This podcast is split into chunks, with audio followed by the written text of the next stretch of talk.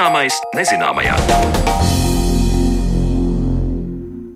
Esiet sveicināti ar jums kopā ar Sandra Kropu un raidījumā zināmais nezināmajā. Šodien parunāsim par kādu īpašu pārtikas produktu, kas cilvēkam ir bijis augsta vērtēts visos laikos.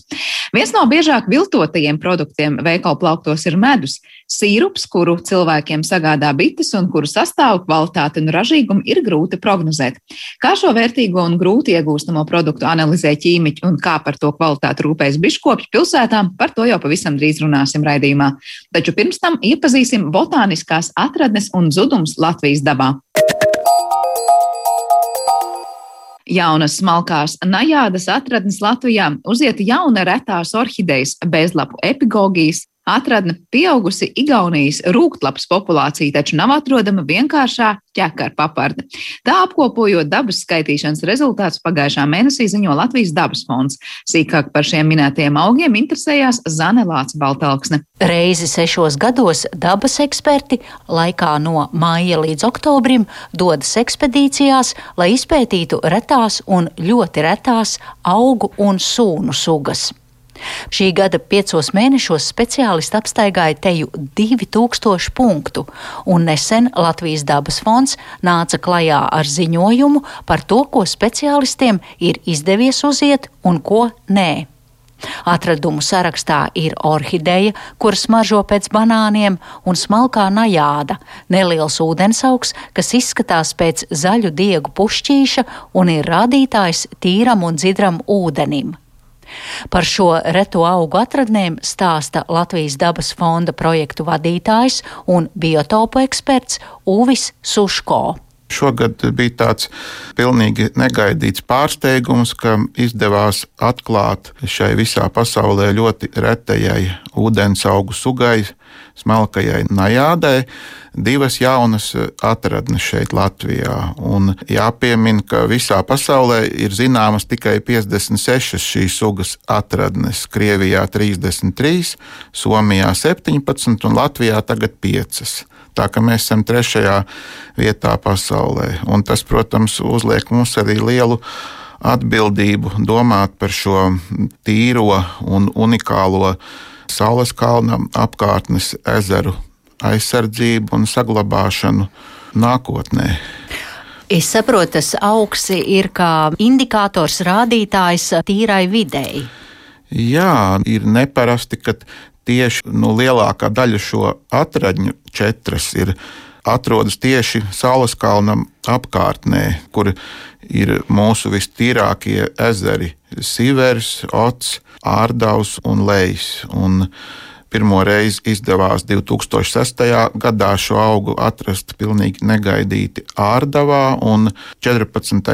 gadā bija izdevība arī īstenot vidas aizsardzības fonda projektu un izpētīt sīveru, un izrādījās, ka sīvers ir lielākā un bagātākā šīs sugas atradne pasaulē, jo Tagad ir zināms šai ezerā šis augs 55 punktos, bet tā kā ezers ir ļoti liels, tas ir devītais lielākais ezers, tad iespējams ir apsekot tikai tās labākās vietas, atrast šo augu, kur nemaisa citi ūdens augi, kas traucē vienkārši izķeksēt, nu, apstiprināt, ka šis mazais augs tur ir. Tā ka šis atradņu skaits noteikti vēl ir divas, trīs reizes lielāks. Un esam aplēsuši, ka tas varētu būt tīraudzējs kādi 60 līdz 100 kvadrātmetri šī auga.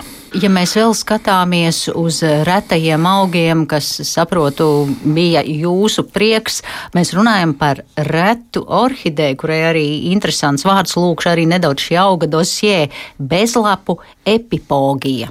Tā ir ļoti neparasta orhideja, viena no mūsu trim saprofītiskajām orhideju sugām. Tas ir tādas, kas barojas no trūdvielām pamatā viņas ir dzeltenīgas, respektīvi bez chlorofila, izņemot varbūt treidaivu koraļsakni. Viņas trīs sugas - parastā līgzdene, kas nav reta, treidaivu koraļsakne, kas ir diezgan reta, un šī epipīna. Nu, tas tāds ļoti neparasts augs, ilgu laiku. Pēdējā atradne bija 36. gadā atklāta, manuprāt. Nu, tas augs angliski viņu sauc par ghost orhideju. Nu, tas ir spoku orhideja. Spoka Kāpēc? orhideja. Tāpēc, ka orhidejām parasti zieds ir pareizi novietots. Tā lielā vainaglapa ir augšā, bet te ir otrādi. Viņa nu, ir apgriezta kājām gaisā. Bet kas ir interesanti, šī orhideja smaržo pēc banāniem. Tāda ļoti salda smarža. Un eh, man pašam laimējās atrast viņu nu, pēc tā pusgadsimta ilgā pārtraukuma, 98. gadā Katlešu mežos, kad man tur bija jāapseko dabiskie meža biotopi, un četrās dienās es atradu viņu četrās vietās. Šī suga aug pilnīgi nu, tādos dabiskos, netraucētos mežos vai, teiksim, lielu puru salās, kur ir tādi vai platlapju meži tādi mitri. Un pamatā jau Latvijā ir visvairāk ir viņas tieši ziemeļa austrumu stūrī, pie katlešiem, pie viļakas. Un pēdējos gados ir gan dabas skaitīšanā atklātas jaunas atradnes, un lūk, šogad ir viena, tad ir Latvijas valsts mežu viena speciālisti, ir atrada arī vēl vienu atradni pie ērberģes šogad, bet nu, tā ir pilnīgi laimes spēle. Tā ka var ilgi ceļot pa piemērotām vietām, bet vienkārši neatrodās. Visās līdz šim zināmajās vietās ir atrasta arī platlapu cinna. Tā ir graudzāle, kas nedaudz atgādina vārpatu, bet cinnai ir izteikti nokarēna skara un patīkama smarža. Par citiem augiem runājot, kā ir teikts Latvijas dabas fonda ziņojumā, tad par Igaunijas rūktlapi bija vērtīgi uzzināt, ka tās populācija ir skaitliski pieaugusi. Tomēr satrauc ziņa, ka ziedošo eksemplāru ir tik maz. Līdzīgi ir arī ar Sibīrijas mēlziedi, kurai ziedošo eksemplāru skaits ar katru pārbaudas gadu samazinās un nav vairs tālu iznīkšanas brīdis. Vēl ar vienu jau trešo monitoringu pēc kārtas neizdodas atrast vienkāršo ķekarpapārdi, un jautājums vēl ar vienu paliek atklāts, vai šī suga ir izzudusi no Latvijas, jeb arī vienkārši nepamanīta auga kādā pļavā, jo piemērotu biotopu sugai netrūkst.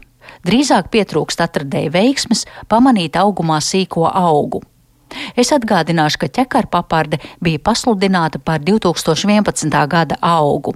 Tas ir mazs audziņš zaļiem punguļiem pie kāda, izmēros no pusotra līdz desmit centimetriem, un pēc papardes nu nemaz neizskatās. Arī Uvis Suško teica, ka iemesls ķekarpapardes atrašanai ir meklētāja veiksme vai neveiksme.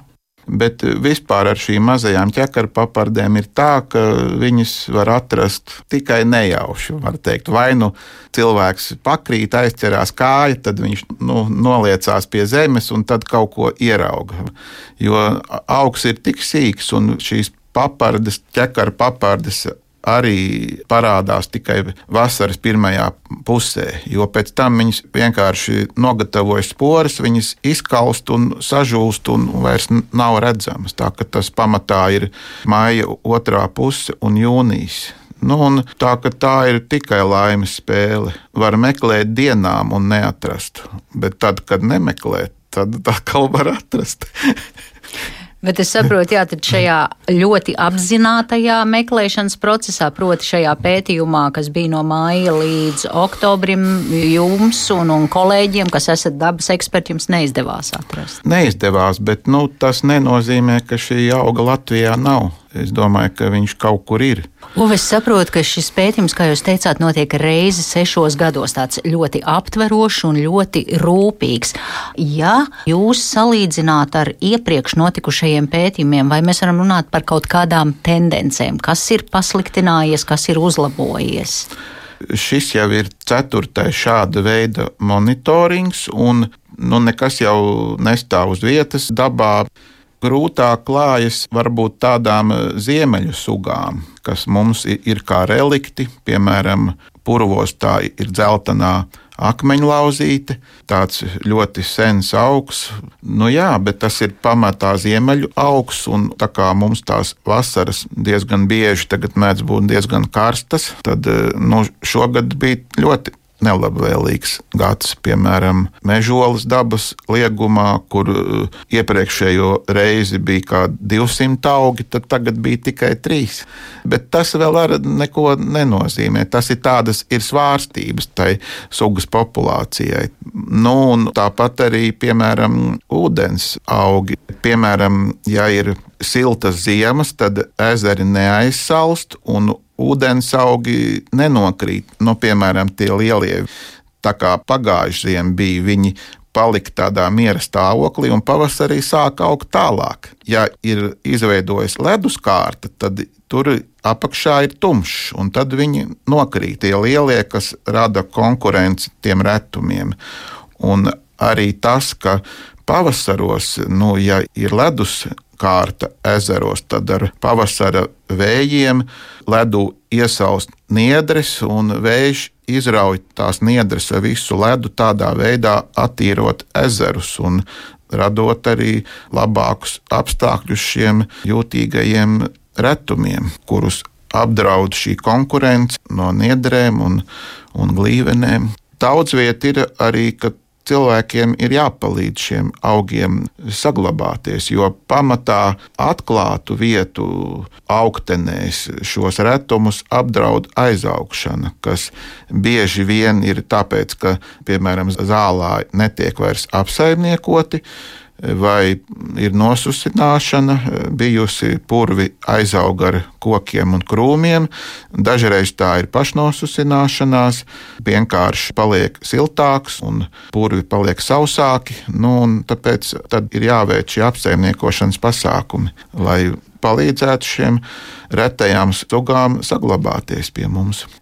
Un te kārtējo reizi ir runa par mūsu katra atbildību dabas daudzveidības saglabāšanā un līdzsvaru noturēšanā ķēdē, kuras posmā esam arī mēs cilvēki noplicinoties tai dabas daudzveidībai, arī tā mūsu daba kļūst primitīvāka. Nu, nabadzīgāka, tad ir jāmeklē kaut vai tās pašas Jāņu zāļu pļavas, ir jāmeklē daudz ilgāk, bet tas atkal ir saistīts ļoti arī ar dzīvnieku pasauli, jo nu, ir kukaiņu sugas, kurām vajag noteiktus augus, un izzūdot kaut vai netik retām sugām, arī šiem kukaiņiem nav kur palikt, un tad uzreiz arī putni nākamie, kam atkal to kukaiņu pietrūkst. Var sakot, viss ir ļoti saistīts. Par augu monitoringu jaunākiem datiem stāstīja Latvijas dabas fonda projektu vadītājs un biotopa eksperts Uvis Suško, bet raidījuma turpinājumā pievēršamies medum un tā ķīmiskajām analīzēm.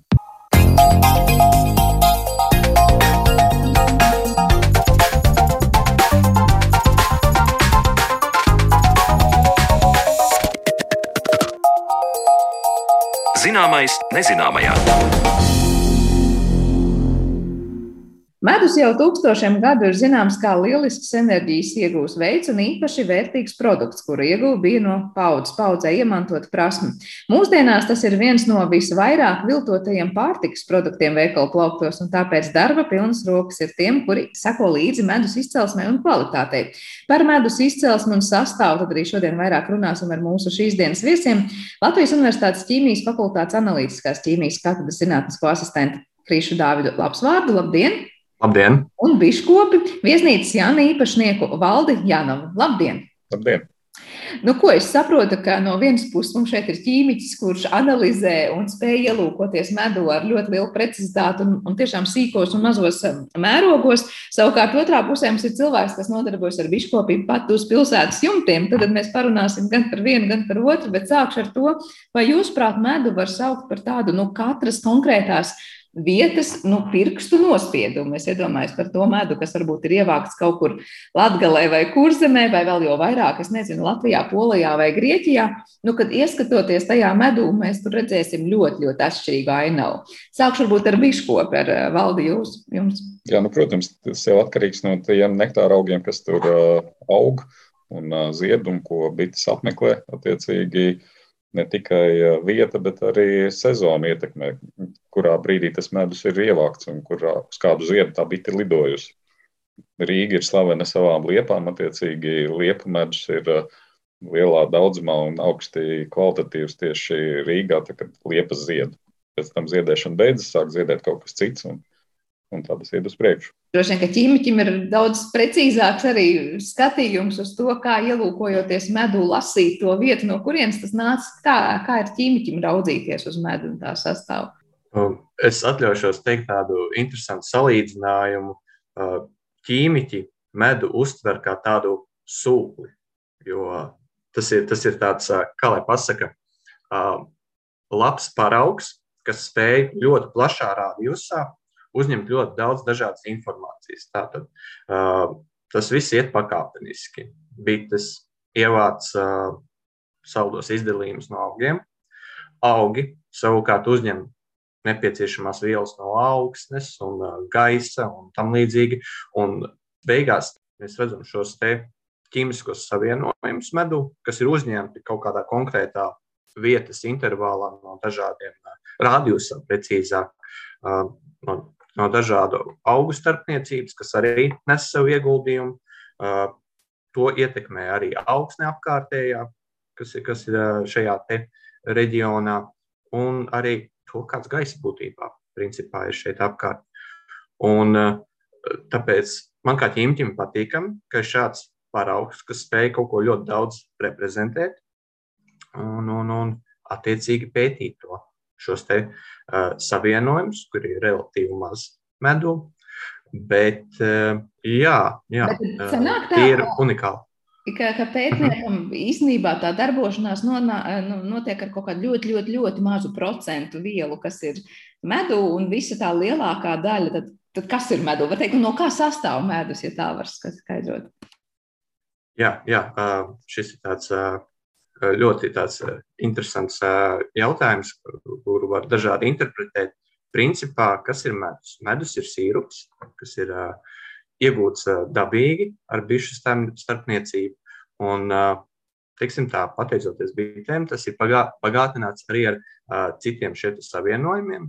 Un daudz savienojumu tiešām pavisam niecīgā mērā, mazāk par 1%.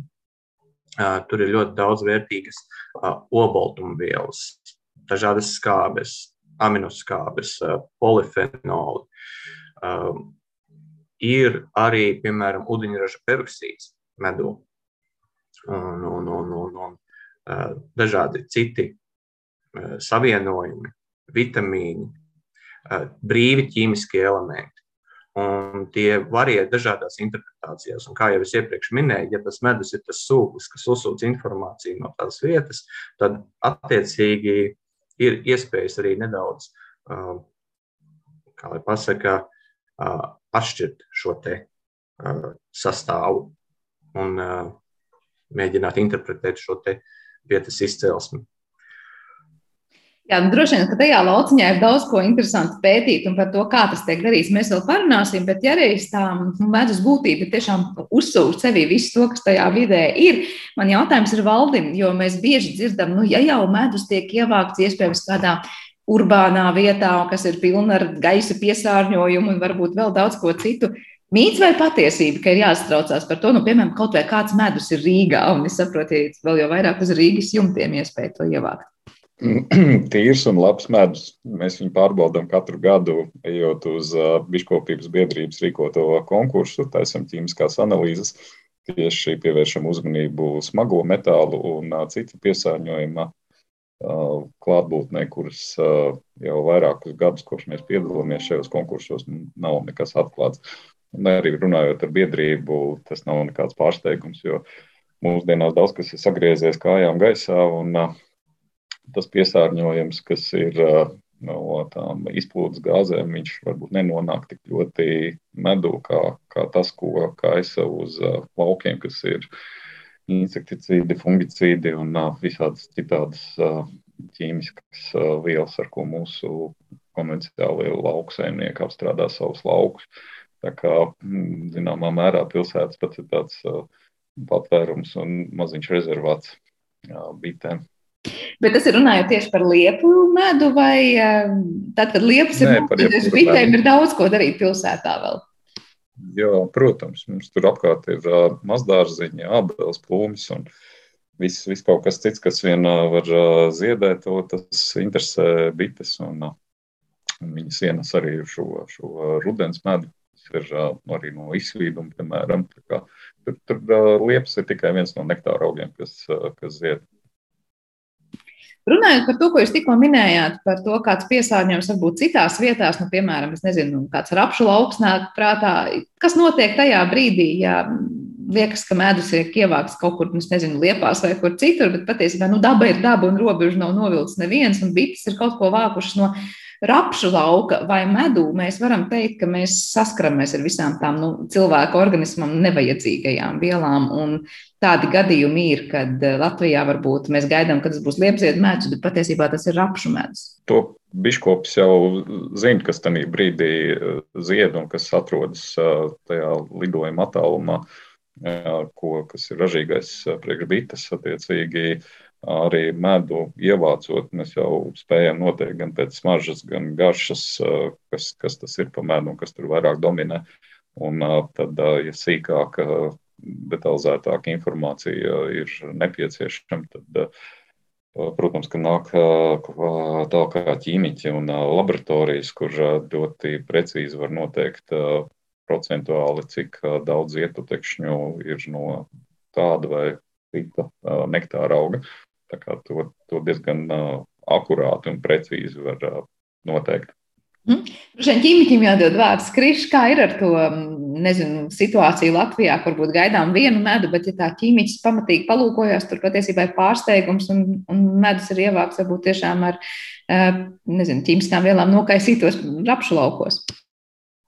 Uh, zināmā mērā ir bijuši šādi gadījumi, kad uh, ir kā uh, Biškops ir prognozējis, ka būs viena veida medus, un mēs tā kā rēķināmies, veicam ķīmiskās analīzes un jūtam, ka kaut kas varbūt uz to pusi ir, ka tur varētu būt šādi šā, šie te, uh, botāniskā izcelsme, kur ir vēlējies biškops. Uh, taču kādreiz šī informācija īstenībā neiet kopā arī ar to ķīmisko sastāvu, un esam arī veikuši pēc tam papildus analīzes uz ietpatekšņiem, un tad tiešām apstiprinās tas, ka uh, ar tām bitēm neko nekad nevar zināt. Un, un, un ir sanākuši šādi paraugi, kas uh, nedaudz ietekmē pētījumu gaitu. Uh, attiecībā par, par šo te, par rapšu piemēru, uh, principā, cik esmu sekojis Latvijas kontekstā, nav ļoti izplatīti medus paraugi, kuriem būtu pārsniegtas šīs te, normas uz kādām kaitīgām vielām, īpaši ņemot vērā pesticīdiem, kas ir tāds, tādā, tādā tā kutelīga tēma medam, kas ir, ir kā medus tiek uztverts par tādu vai ārstniecībai liederīgu produktu, bet, bet jā, ir gadījumi, kad uh, ir piesārņojums no pesticīdiem, uh, taču, lai tā kā nomierinātu Latvijas uh, klausītājus uh, par šo tēmu, Latvijas medum ļoti reti, kad varētu būt bijuši šādi gadījumi, bet ārzemēs, īpaši trešās pasaules valstīs, kur ir mm, vai regulēti šie noteikumi par pesticīdu izmantošanu, tur saskarās ļoti bieži ar šādām problēmām un jau veselībai kaitīgām jau šīm koncentrācijām. Nu, par Latviju arī mēs bieži dzirdam, sakām, ka mums nu, ļoti, ļoti bagātīgi lieto pesticīdus. Jā, salīdzinot varbūt pret citām valstīm un pret citu metodoloģiju mazāk, bet kopumā nu, nevarētu teikt, ka Latvija ir no pesticīdiem brīva valsts. Latvijā tiešām nav šī problēma aktuāla. Nu, viņa ir aktuāla tiem bioloģiskajiem biškopiem, kuriem atlieku vielu daudzums principā nedrīkst būt. Viņš ir tik, tik neliels. Kā, ja, ja viņas atrod, tad bioloģiskais vairs nevar saukties kā bioloģiskais. Tas ir tas izaicinājums. Bet viņš pareizi teica, ka tas atļautais konvencionālais piesārņojums jau ir visur, un Latvija varbūt nav pirmrīdniekos ar kaut kādu briesmīgu indēšanu, ka tas nonāk medū. Nu, paldies Dievam, ka tā ir bet tas izaicinājums tātad ir tieši tiem, kas ir certificējušies kā bioloģiskiem. Bet tas patiesībā nozīmē to, ka mazākās koncentrācijās, pieļaujamās koncentrācijās to vielu klātbūtne medū ir. Jo, ja jūs sakāt, patiesībā tas ir lielākā problēma bioloģiskiem biškopiem, kuriem nedrīkst būt nu, nemaz to atlieku vielu medū, tad, ja jau mums Latvijā problēmas ir bioloģiskiem biškopiem, tad var teikt, ka tādu pavisam tīru medu mums īsti ir grūti atrast. Ja? Nu, mēs jau dzīvojam uz vienas planētas. Tur ne, neko, neko super tīru vairs nevar nekur atrast. Neko, ne, ne to zemeni, ne, ne tomātu. Mēs varam censties un darboties, bet nu, tas piesārņojums jau ir nu, visur. Bet, paldies Dievam, ka viņš ir neliels. Un, Viņš nav kaitīgs, un tāpēc jau mums ir tie ķīmiķi, kuri kur analizē un, un saprot, cik daudz uh, drīkst būt tas hidrometeoru furfurozes tajās šprotēs un, un, un, un citos pārtiks produktos, un kurā brīdī viņš ir kaitīgs un kurā nē. Nu, tāpat kā sāls, ja, jo mēs apēdam šķipsniņu, viņa ir gadsimta varbūt, bet ja mēs apēdam kilogramu, tad mēs esam beiguši savu eksistenci. Tur viss ir proporcijās. Jā, jā Kris gribēja ko piebilst? Jā, ir tas uh, izcilais teiciens, uh, Indi nosaka deva. Jā, tieši tā. Jā. Jā, par šo tēmu, protams, mēs varētu atsevišķi vēl daudz diskutēt, un es pieņemu arī klausītāju vidū viedokļi būtu dažādi. Bet um, tas, ko es gribēju paturpināt, domu, Krišs teica, nu, ar bitēm neko nevar zināt, bet uh, ar cilvēkiem arī neko nevar laikam zināt. Konkrēti runājot par medu, tā ir tiesa, ka tiešām nu, trešais te viltotākais pārtikas produkts uh, veikalu plauktos ir medus, un tā tiešām ir tik ļoti liela problēma. Kāpēc un cik daudz patiesībā ir medus viltojumi?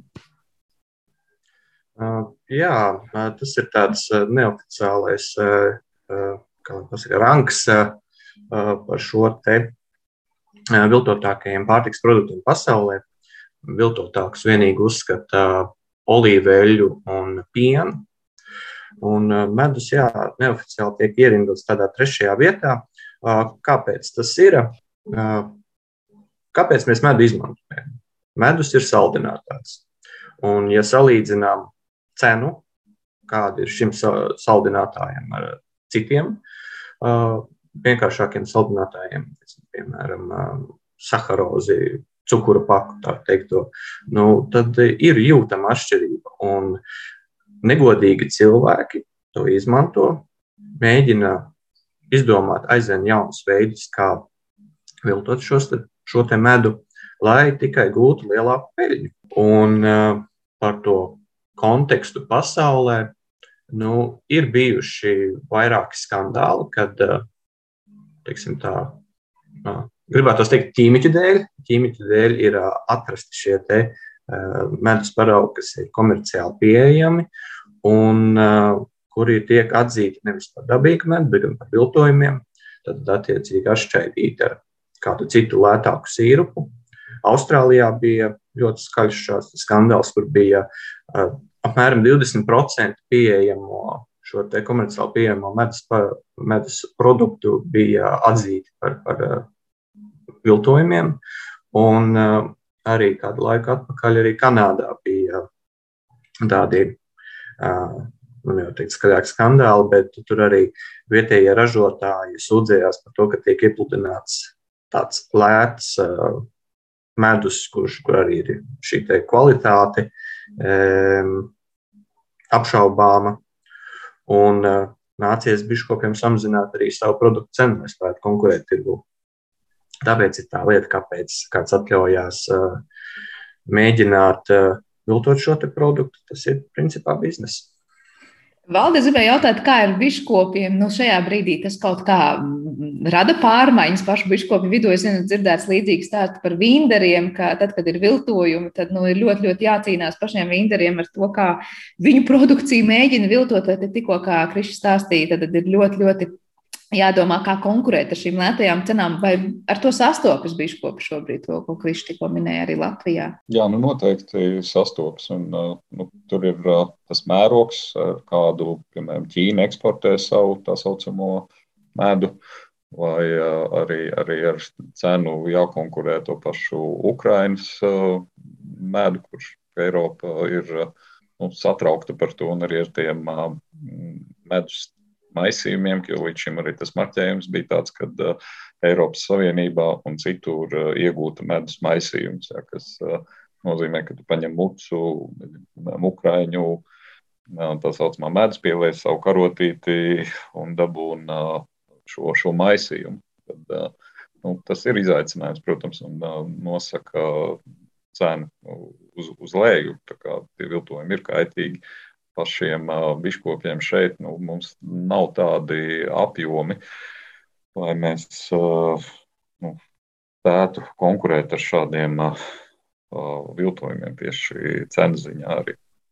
Pirms es jautāju Krišam, kā ķīmiķis var noteikt, kurš ir, kurš nav viltojums, un par šīm metodēm parunāt sīkāk, kā patērētājs var orientēties un pazīt to medu, kas nav viltots, un to, kas ir viltots. Ko jūs ieteiktu, pēc kā orientēties? Valdi, varbūt sākšu jums. Es, es ieteiktu vienkārši izvēlēties kādu savu pazīstamu biškopi un pie viņa arī uh, iepirkties, jo tad, uh, tā, tā tomēr ir reputācija un uh, un, un, un drošības sajūta, un, un arī detalizētāka informācija par to produktu, kā pēc vietējo, un nebūs šāda izaicinājuma. Tad, tad, tas, tas, tas vienkāršākais. Jā. jā, vienkāršākais risinājums. Jā. Jā, paldies, Krīt. Nu, tāpat kā, jā. kā jebkuru citu produktu, vai, vai, vai olas no zemnieka nopirkt, vai uh, vai to pašu pienu, ko kristēts, ko, ko vilto. Nu, ja tu ej uz uh, supermarketu, nu, tā, tā ir tava izvēle. Ja tu aizej pie tā zemnieka vai biškopja vai kaut kāda ražotāja un nopēc no viņa, nu, tas, tas ir uh, cita, cita garantija, protams. Mhm. Kristēts. Jā, es uh, pilnīgi piekrītu Valdim, ka tas ir uh, prātīgākais veids, kā no šī visa izvairīties. Tātad atrast uh, zināmu biškopi un, un, produkciju no, no šāda ražotāja. Tas tāds, manuprāt, prātīgākais veids. O, par tālākām lietām. Nu, jāņem vērā, ka medum uh, ir atšķirīgas viskozitātes īpašības no tādiem, kā lai pasaka, lētākiem medus sadarinājumiem. Tas ir pats primitīvākais veids, kā paskatīties Tur ir, tur ir pilnīgi redzams, ka, ja teiksim, ir burciņi un tur ir nedaudz gaisa, ja viņi apgriež otrādi, pēc jau, jau tām īpašībām jau nedaudz var novērtēt to, vai šis medus varētu būt viltots vai nē, vai arī vienkārši ir mākslīgā medus izstrādājums. Kādreiz arī varbūt cilvēki veikalā pērkot, pat nepaskatās, kas tas ir, un netīšām nopērk šo te medus izstrādājumu, kas patiesībā ir augsts fruktozes satura sīrups. Tas ir viens.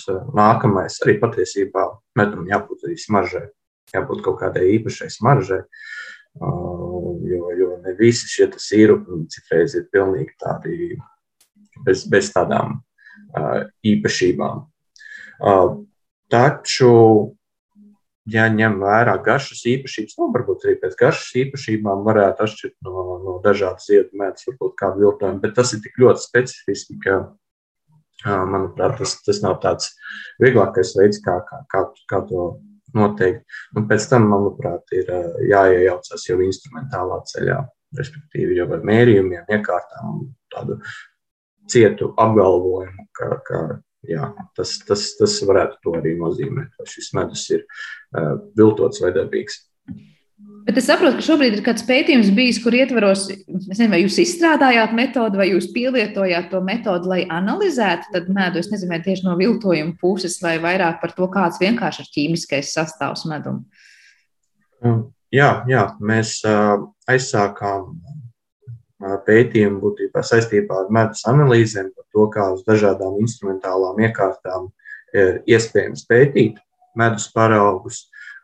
Principā tā doma ir pakārtot tam, lai mēs laika gaitā spētu atpazīt viltojumus no, no parasta medus, respektīvi aizsargāt Latvijas produkciju. Lieta ir tāda, lai mēs spētu aizsargāt savu produkciju, mums tā ir labi jāizpēta, jābūt tam, tam tiešām Latvijas pirkstu nospiedumam medus. Un, un, un paralēli vēl tam mēs īpaši akcentu veltījām šim viena zieda izcelsmes medus paraugiem, jo botāniskā izcelsme arī ir tāda um, svarīga lieta, ko vajag apliecināt. Un arī veltam uzmanību tam ķīmiskajam sastāvam.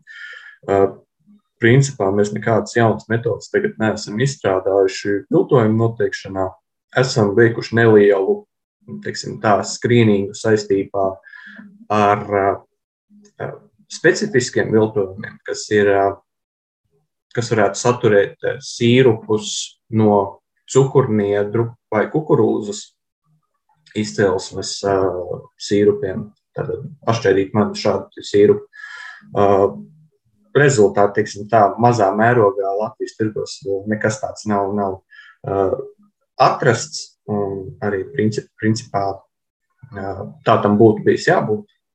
Bet uh, um, par šiem te viltojumiem jā, nu, ir arī citas metodas nedaudz pielietotas, kur tā iespējamība arī ir vienkāršāka. Bet šobrīd, teiksim tā, Latvijas kontekstā mēs neesam saskārušies ar tādu viltojumu veidu, ko mēs varētu tiešām tā novērtēt, ka tas varētu būt viltojums. Bet uh, projektu un pētījumu ietvaros mēs esam attīstījuši šo te uh, paša dabīga medus, teiksim tā, tās īpašības noskaidrojuši. Bet tāda metode varētu būt derīga citiem ārpus Latvijas arī, lai noteiktu, kāds ir medus sastāvs, vai tur citās valstīs savi pētnieki ar savām metodēm jau ir priekšā? Tā ir tāda, kā lai pasaka, tāda tā nas, naskāra kaut kāda sacīksta, kur ir ļoti daudz mašīnas un viņas riņķo, un tas sacenšas savā starpā. Principā tā, tā arī ir. Un ir īpaši valstis, kur uh, problēma ir uh, aktuālāka. Um, ir īpaši šajos reģionos, kur ir, kur ir uh, silts klimats un medu var ražot uh, nepārtraukti visu gada garumā. Tur, tur, tur, tur ir izaicinājumi, tur viņiem ir lielāka aktualitāte arī šo viltojumu konstatēšanu. Um, ir valstis, kas mēģina aizsargāt uh, īpašas izcelsmes, šos botāniskās izcelsmes medus paraugus, uh, citrus, uh, eikalipta un, un, un tam līdzīgi. Manukas medus, piemēram, ir uh, tāds, kas ir šajā Jaunzēlandē tiek ražots un uzsvērts ar īpašām uh, antibakteriālām īpašībām. Mēģina aizsargāt, tāpēc tam tiek pievērsta ļoti, ļoti liela uzmanība. Bet kā ir, piemēram, Latvijas gadījumā, es iedomājos, nu, biškopiem, protams, kā valsts teica, jo tuvāk biškopim, jo es drošāks par to, kādu medu lieto. Tirgus tomēr ir salīdzinoši droši vien maziņš, vai ne? Un, ja gribētos savu produkciju, piemēram, pārdot citās valstīs, Kā pasargāt sevi un nodrošināt to, ka patērētājs uzreiz pamanīs, ka šis medus ir tiešām tīrs un tas nav neviltots, ne, protams, arī nācis no kādām piesārņotām vietām. Vai ir kādas, nezinu, marķējuma pazīmes, ko noteikti liek virsū medam, lai to tirgotu citās Eiropas valstīs? Par marķējumu es tā nepateikšu, tas nodrošinās kaut kādu viltojumu atpazīšanu vai nē, jo marķējumu jau arī vilto Jūs jau varat uzdrukāt Nike logo uz jebko. un, vai vienalga kāda cita zīmola logo. Bet uh, ir tāda vienkārša lieta, kad uh, medus kā piesātināts šķīdums, viņš laika gaitā kristalizējas. Un tad veidojas tie saucamie glukozes ziedi, kas ir kā ledus puķis uz logiem. Piemēram, tagad dienas laikā var novērot. Tāpat arī medu. Tā tas ir dabīgs process, kas signalizē Tad, uh, tas ir dabīgs produkts. Un, uh, Krišs jau pareizi teica par to super uh, šķidro un ērti lietojumu un apgāžamo uh, riņķi, nezinu, plasmasas trauciņu, no kura izspiest uh, to sīrupu ārā uz pankūkas. Nu, nu forši ērti, ja, bet tur, tur nāk klāt uh, visi tie izaicinājumi par to, vai viņš tiešām ir īsts medus, vai viņš nav karstēts, vai viņš nav. Caur uh, supersmalkiem mikrofiltriem laist, lai viņš nekristalizētos. Tā kā, nu, tāda vienkārša lieta, kā patērētājiem, ko es varu ieteikt, uh, laika gaitā medus kristalizējas, tā tam būtu jābūt. Tā kā ja redzam tādu medu, tad ar to viss ir kārtībā, un jo vairāk tāds, jo, jo dabīgāks tas varētu būt. Tā var teikt. Nu, jā, bet tajā pašā laikā nu, pircējs jau pieprasa to šķidro. Jā, viņam šķiet, reku šķidrs, reku svaigs, reku forši. Tas laikam līdzīgi kā jebkuru citu pārtiks produktu. Jā, mēs gribam ļoti dabisku, bet patiesībā ieraugām un gribam pēc tam pieprasīt super baltu vai super zaļu kādu produktu bez neviena, varbūt arī jā. kāda, nezinu, novirzes no nosacītās normas, bet tas laikam ir stāsts par to, kā aug arī patērētāji tajā, ko pieprasa un ko ir gatavi patērēt. Noslēdzot šo sarunu, jums abiem patiesībā viens jautājums, viens skatoties varbūt no ķīmiķa skatu punktu, otrs no, no biškopi.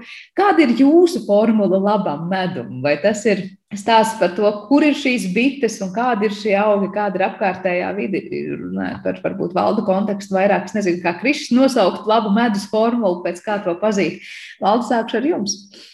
Pirms biedrība rīkos šos uh, konkursus, uh, kur ir uh, šī sensorā novērtēšana un uh, medus uh, smarža, uh, garša, krāsa.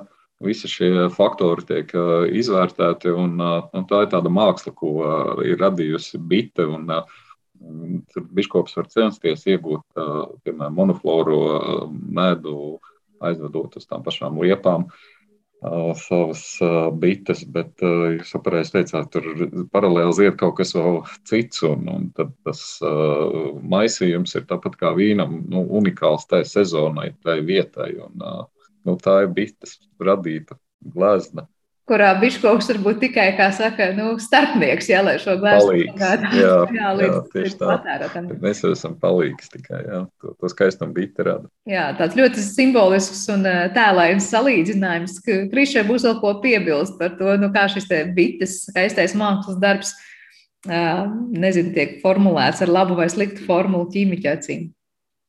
Ķīmiķa acīm mums jau patīk visu iedzīt uz papīra skaitļos. Mums patīk, ka ir rādītāji, tā, tā kā vajag, sanāk visi mērījumi. Uh, principā ķīmiķim medus ir uh, tāds, tāds paraugs, ar kuru grūti draudzēties. Tur ir daudz cukuri, apgrūtina analīzes, piesārņo iekārtas. Un, un, un, uh, teiksim tā, jebkurš medus, kurš uh, pēc kaut kāda instrumenta analīzes sekvences ir izgājis un viņš nav aizprostojis neko ciet, tad uh, tas, tas jau ir labs mēnesis, teiksim tā. Tas, mēs jau esam priecīgi jau par to.